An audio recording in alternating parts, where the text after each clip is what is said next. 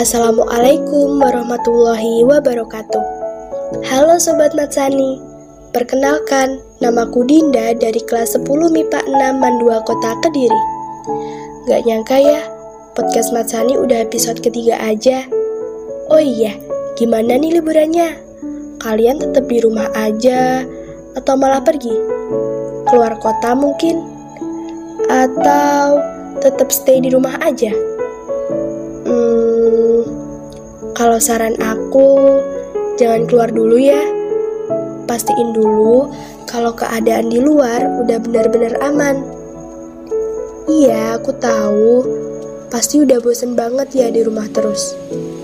Padahal dulu ngiranya cuma beberapa minggu doang di karantina. Eh ternyata sampai liburan tahun baru pun juga tetap di karantina. Tapi menurut aku, liburan di rumah tuh gak cuma pagi rebahan sampai siang. Eh, taunya udah sore aja.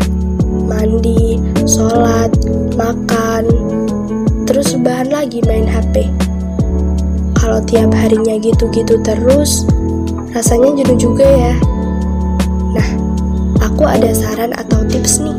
Apa aja kegiatan asik yang bisa kalian lakuin bareng keluarga di rumah? Saran atau tips ini aku dapat dari berbagai sumber di sosial media. Pertama, coba deh buat list daftar kegiatan seru setiap hari dulu buat ngusir rasa bosan kalian di rumah. Misal, dengan memasak, membaca buku, bermain game online, atau nonton film. Bisa juga dengan berkebun dan olahraga. Iya, bisa menjadi alternatif seru kalian ketika liburan di rumah, atau dengan refreshing otak sebelum kembali beraktivitas. Kedua, daripada kalian mudik, menurut aku kalian bisa melakukan pertemuan tatap muka secara virtual, diganti dengan video call misalnya, bisa menghubungi keluarga di kampung, atau teman kalian untuk saling bertukar kabar.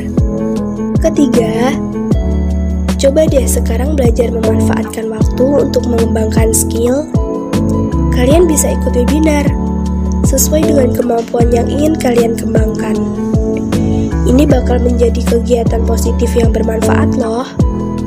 Kalian bisa belajar langsung dari para ahli, serta bisa memutar kembali isi webinar itu. Oh iya, yang terakhir, jangan lupa bagi waktu kalian buat belajar juga ya. Persiapkan hari ini sebaik-baiknya untuk menghadapi hari esok yang baru. Have fun guys. Selamat menikmati liburan tahun baru. Sampai di sini dulu ya podcast pers jurnalistik episode ketiga kali ini. Wassalamualaikum warahmatullahi wabarakatuh.